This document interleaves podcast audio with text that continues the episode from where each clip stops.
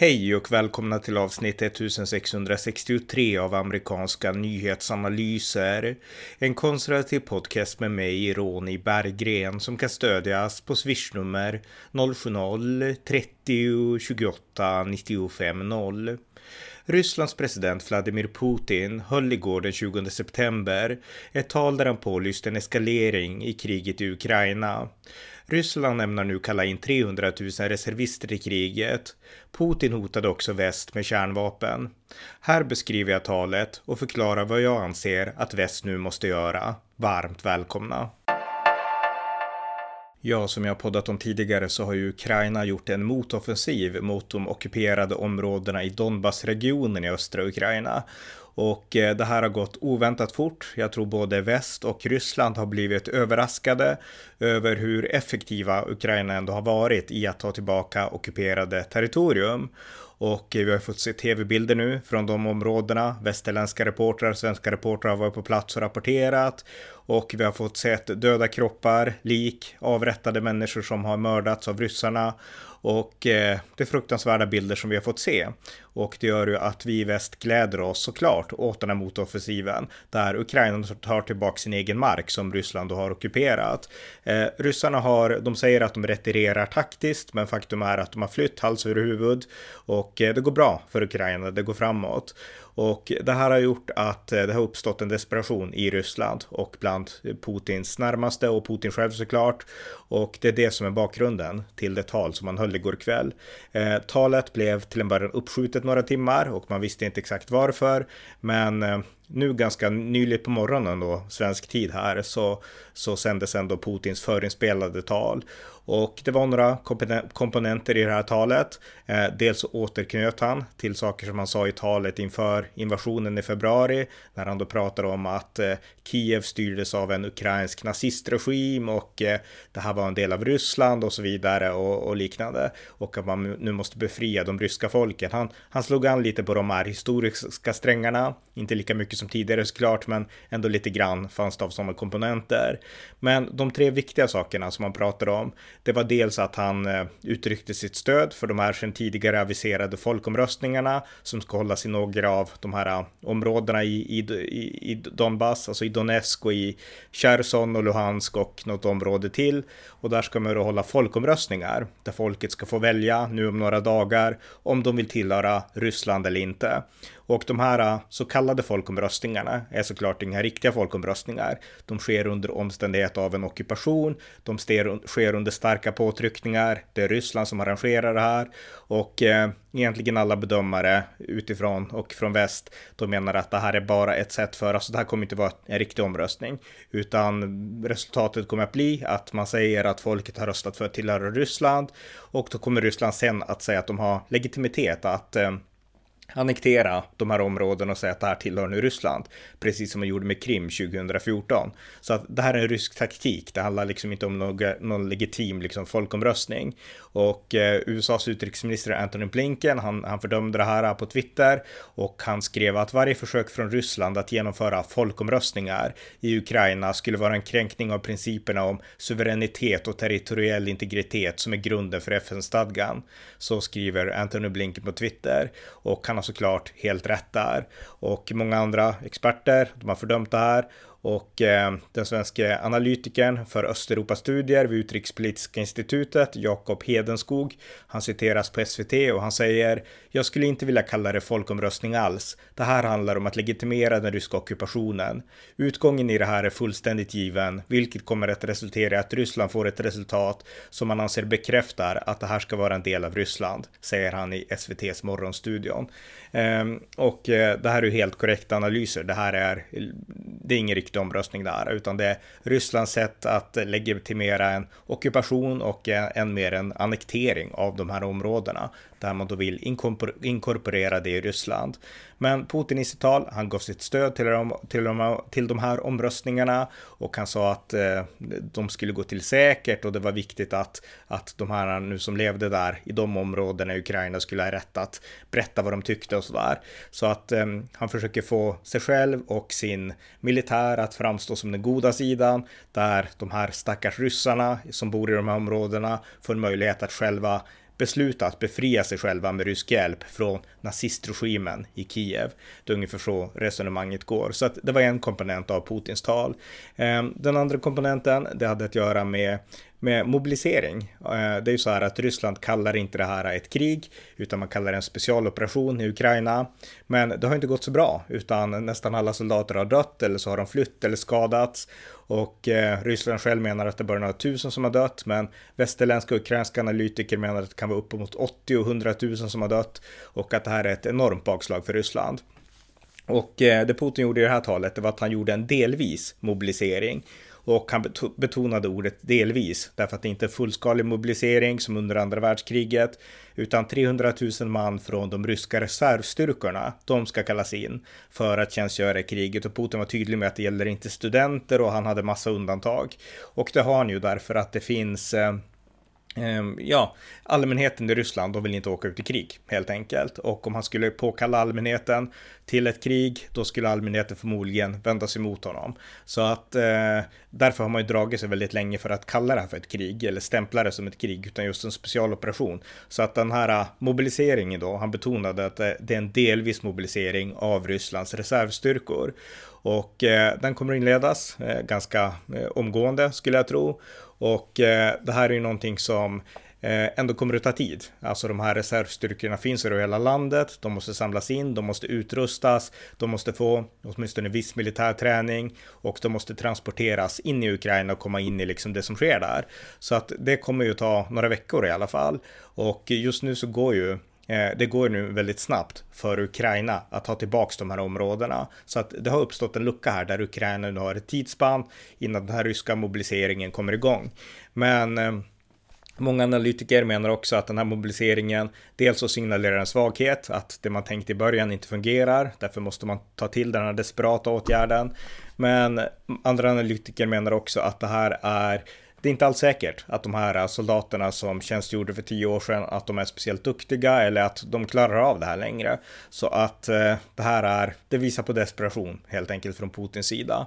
Men det var ändå en komponent av talet och kanske den mest eh, väsentliga. Därför att det här är ju någonting som Ukraina måste förhålla sig till, väst måste förhålla sig till det här i hur man ska stödja Ukraina och eh, förmodligen om jag vore ukrainsk ledare så skulle jag Eh, betraktar betrakta det här som en anledning till att avancera ännu snabbare och fortsätta driva ut Ryssland innan de här förstärkningarna kommer. Eh, och sådär. Men det var den andra viktiga komponenten. Den tredje komponenten, det var att Putin också pratade om kärnvapen och Putin pratade här ett slags tvärtomspråk. Eh, han menade att väst hotar Ryssland med kärnvapen och eh, om väst hotar Ryssland med kärnvapen, minsann då har Ryssland kärnvapen. Ungefär så pratade han. Och eh, sanningen är såklart den rakt motsatta. Det är Ryssland som har börjat prata om kärnvapen. Det är de som har hotat med kärnvapen från krigets början för att avskräcka väst att stödja Ukraina. Och eh, det är verkligen inte väst som hotar Ryssland med kärnvapen. Men det finns en slags eh, eh det finns i allt det som Ryssland gör så finns det ett sätt för Ryssland att legitimera kärnvapenanvändning.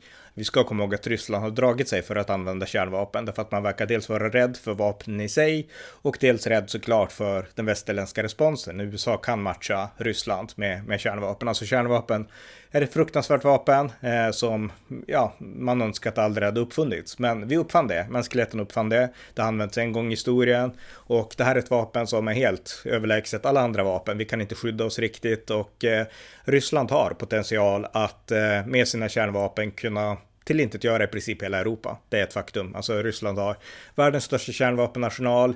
Eh, vi kan inte försvara oss mot kärnvapen effektivt och det enda vi kan göra är att avskräcka genom att säga att om ni skjuter på oss så skjuter vi tillbaka. Europa har tre kärnvapenmakter, eller två rättare sagt, Frankrike och Storbritannien, eh, tre inom NATO då, USA. Och eh, USA är den nation som, den enda nation som har kapacitet att verkligen matcha Ryssland i förhållande till kärnvapen. USA är också så stort och ligger så pass långt bort, det kanske spelar mindre roll, men eh, det är så pass stort land att de skulle också kunna absorbera en kärnvapenattack på ett bättre sätt än lilla Europa skulle kunna göra och eh, slå tillbaka med kraft. Så att eh, alla skulle förlora i ett kärnvapenkrig. Men om USA skulle dras in så skulle Sovjet, eller rättare sagt, ja det var en, mm, en freudiansk felsägning, så skulle Ryssland liksom ändå eh, förlora så pass mycket att det skulle svida så rejält att eh, ryssarna skulle förmodligen inse att det här är inte värt priset. Det är ungefär så man har lekt med, med, med den här tanken om kärnvapen. Så att eh, så ser situationen ut. Så kärnvapen är ett fruktansvärt vapen som Ryssland har dragit sig för att använda. Men man har ändå ett sätt där man teoretiskt menar att man ska kunna använda kärnvapen. Och det är om moderlandet, själva Ryssland, blir hotat. Och om nu de här områdena i Donbass annekteras av Ryssland, då blir de områdena en del av det ryska moderlandet, enligt Rysslands eget sätt att tänka. Och det skulle kunna legitimera att eh, om man då fortsätter, alltså om Ukraina med västerländskt stöd fortsätter, fortsätter att försöka ta tillbaks de här områdena genom att anfalla in i Donbass, då skulle det betraktas som ett anfall på moderlandet och då skulle det legitimera användandet av kärnvapen. Och eh, i första hand så skulle det inte handla om kärnvapen riktade mot Stockholm eller mot Berlin eller London, utan taktiska små kärnvapen riktade mot de ukrainska styrkorna som, som då försöker närma sig Donbass. Eh, Så att eh, det här storskaliga kärnvapenkriget är ju inte steg ett här i liksom en kärnvapeneskalering, utan det är ett små taktiska kärnvapen i första hand det handlar om. Men, men likväl, eh, det, det är ändå farligt att leka med den här retoriken och Putin har gjort det förut och nu gör han det igen. Och det här är någonting som, eh, ja, man, man, ska inte övertolka det här, men man kan inte ignorera det heller, utan det måste tas på stort allvar. Därför att det är alldeles för farliga vapen som han leker med för att inte ta det han säger på allvar. Så att eh, det var den tredje komponenten i det här talet, kärnvapen. Eh, Putin vill alltså, för att sammanfatta, hålla val i de här eh, olika regionerna i Donbass, i, i, i de här olika territorierna i Donbassregionen. Han vill kalla in en reservstyrka på 300 000 man eh, och eh, han eh, säger också att eh, han börjar få nog på väst, av väst och eh, eh, betonar att Ryssland har kärnvapen, ungefär så. Så att det är en kort sammanfattning av talet. Och hur ska man då tolka det här talet? Svaret är att det ska tolkas som ett tecken på desperation. Eh, Ryssland trodde i början att man skulle kunna ta hela Ukraina på typ tre dagar. Nu har det gått mer än ett halvår och man kan inte ens hålla de östra regionerna utan man flyr hals över huvud. Ukraina har kämpat tappert med västerländskt stöd och västerländsk hjälp och Ryssland har ingen chans. Så att det här är ett eh, tal som andas desperation. Jag vet inte om Putin förstår det själv, men man kan inte tolka det som något annat än att det här visar att det går otroligt dåligt för Ryssland och de är desperata. Eh, nästa och den viktigare frågan då, det är hur ska väst agera eh, utifrån ett sånt här tal? Ehm, hotet mot oss, det ligger ju inte längre i konventionella vapen, alltså Ryssland kan inte invadera väst. Eh, Ryssland är konventionellt mycket svagare än ett kollektivt NATO. Ryssland har ingen chans med pansarvagnar och flygplan. utan Rysslands enda trumfkort mot väst är kärnvapen. Och vi måste ha en plan för hur vi ska agera om Putin använder taktiska kärnvapen då primärt Eh, vi måste ha en plan för det och börja tänka på det mer. Eh, men så måste vi också förklara för världssamfundet att Ukrainas mark tillhör Ukraina. Luhansk eh, och de här Donetsk och de här regionerna i Donbass, de, eh, de eh, områdena tillhör Ukraina. Och det innebär att de kan inte bara annekteras av Putin bara sådär, utan de tillhör legitimt Ukraina. Och fejkade val kommer inte att ändra det och eh, alltså vi måste börja säga att det här är inte Ryssland. Och eftersom det inte är Ryssland så innebär det att vi får fortsätta kriga där, vi får fortsätta bekämpa ryssarna där, utan att det liksom på något som helst objektivt sätt ska kunna tolkas som att vi angriper Ryssland. Det är det som är det viktiga. Därför att det är ett angrepp på Ryssland som gör att Putin kan legitimera kärnvapen. Och då måste vi betona att Luhansk och de här områdena, det är inte Ryssland, utan det är Ukraina. Så att vi angriper inte Ryssland oavsett vad de här så kallade valresultaten än kommer att säga. Det är det budskapet vi måste föra ut och få världssamfundet att tro på oss och på så vis visa för Putin och för det ryska folket att ni är helt ensamma i den här åsikten om att eh, de här eh, regionerna, områdena i Donbass är Ryssland, moderlandet Ryssland. Ni är helt ensamma, jag tror det. Det är ett budskap vi måste på något sätt pressa ut överallt för att på så vis undvika en eskalering och en kärnvapeneskalering i synnerhet. Eh, därtill måste väst också våga förse Ukraina med mer vapen ännu snabbare. Eh, USA är ju det land som står för mest vapenleveranser till Ukraina, finns inga likheter. Eh, men Europa börjar backa, inte Storbritannien, deras nya premiärminister Liz Truss, hon är glasklar med att eh, Storbritannien kommer att fortsätta stödja Ukraina. Men andra länder, som Tyskland och en del andra länder, de börjar backa lite grann därför att vi inser nu att vintern kommer och vi är fortfarande beroende av rysk gas och rysk olja och så vidare. Och eh, det här militära stödet till Ukraina, vi börjar känna att nej, kanske inte. Och eh, vi får inte backa. Utan nu har Ukraina några veckor på sig innan den nya ryska mobiliseringen har kommit igång på allvar och vi måste göra allt för att Ukraina på de här veckorna ska kunna göra så mycket som möjligt. Det är av yttersta vikt. Så att vi måste våga fortsätta förse Ukraina med vapen, kort och gott. Eh, vi måste också förstå att vi befinner oss i ett energikrig med Ryssland. Det vet vi såklart redan, men vi måste ta och våga ta konsekvenserna av det. Nu är det snart vinter. Vi måste starta alla våra egna former av kraftverk, värmeverk och liknande. Och vi kan inte ha miljö eller klimataspekten i första hand just nu i alla fall. Eh, och eh, vi måste inse att det här är ett energikrig. Alltså Ryssland hotar inte längre just NATO-länderna militärt, de är för svaga, men de hotar med energin. Och vi har gjort oss beroende av rysk energi, tråkigt nog, men, men ändå ett faktum. Och eh, vi måste våga härda ut och vi måste våga inse också att om Putin, som ändå hoppas att väska är upp i takt med att vi börjar frysa nu i vinter, eh, vi måste också inse att eh, eh, om Putin stänger kranarna så kommer vi ju förlora energi som vi desperat behöver. Men Putin kommer också förlora pengar. Det kommer alltså att bli en lose-lose situation där båda förlorar. Men i slutändan så är det vi och inte Putins Ryssland som kommer att resa oss först. Så att vi måste förstå det också. Det kanske kommer att kosta på för oss, men det kommer också kosta på för Ryssland och eh, på sikt, om ett år, två år, några år till, då är det vi som kommer att resa oss först, störst och bli bäst. Eh, det är viktigt att ta det i åtanke utifrån det, få självförtroendet att våga anta den här utmaningen och utkämpa och vinna det här energikriget. Vi kan liksom inte gå vidare innan det här slaget i kampen mot det eh, Eh, ryska energiberoendet är vunnit. Därför att då lurar vi oss bara själva att, att tro att liksom vi kan gå vidare med livet och göra vad som helst.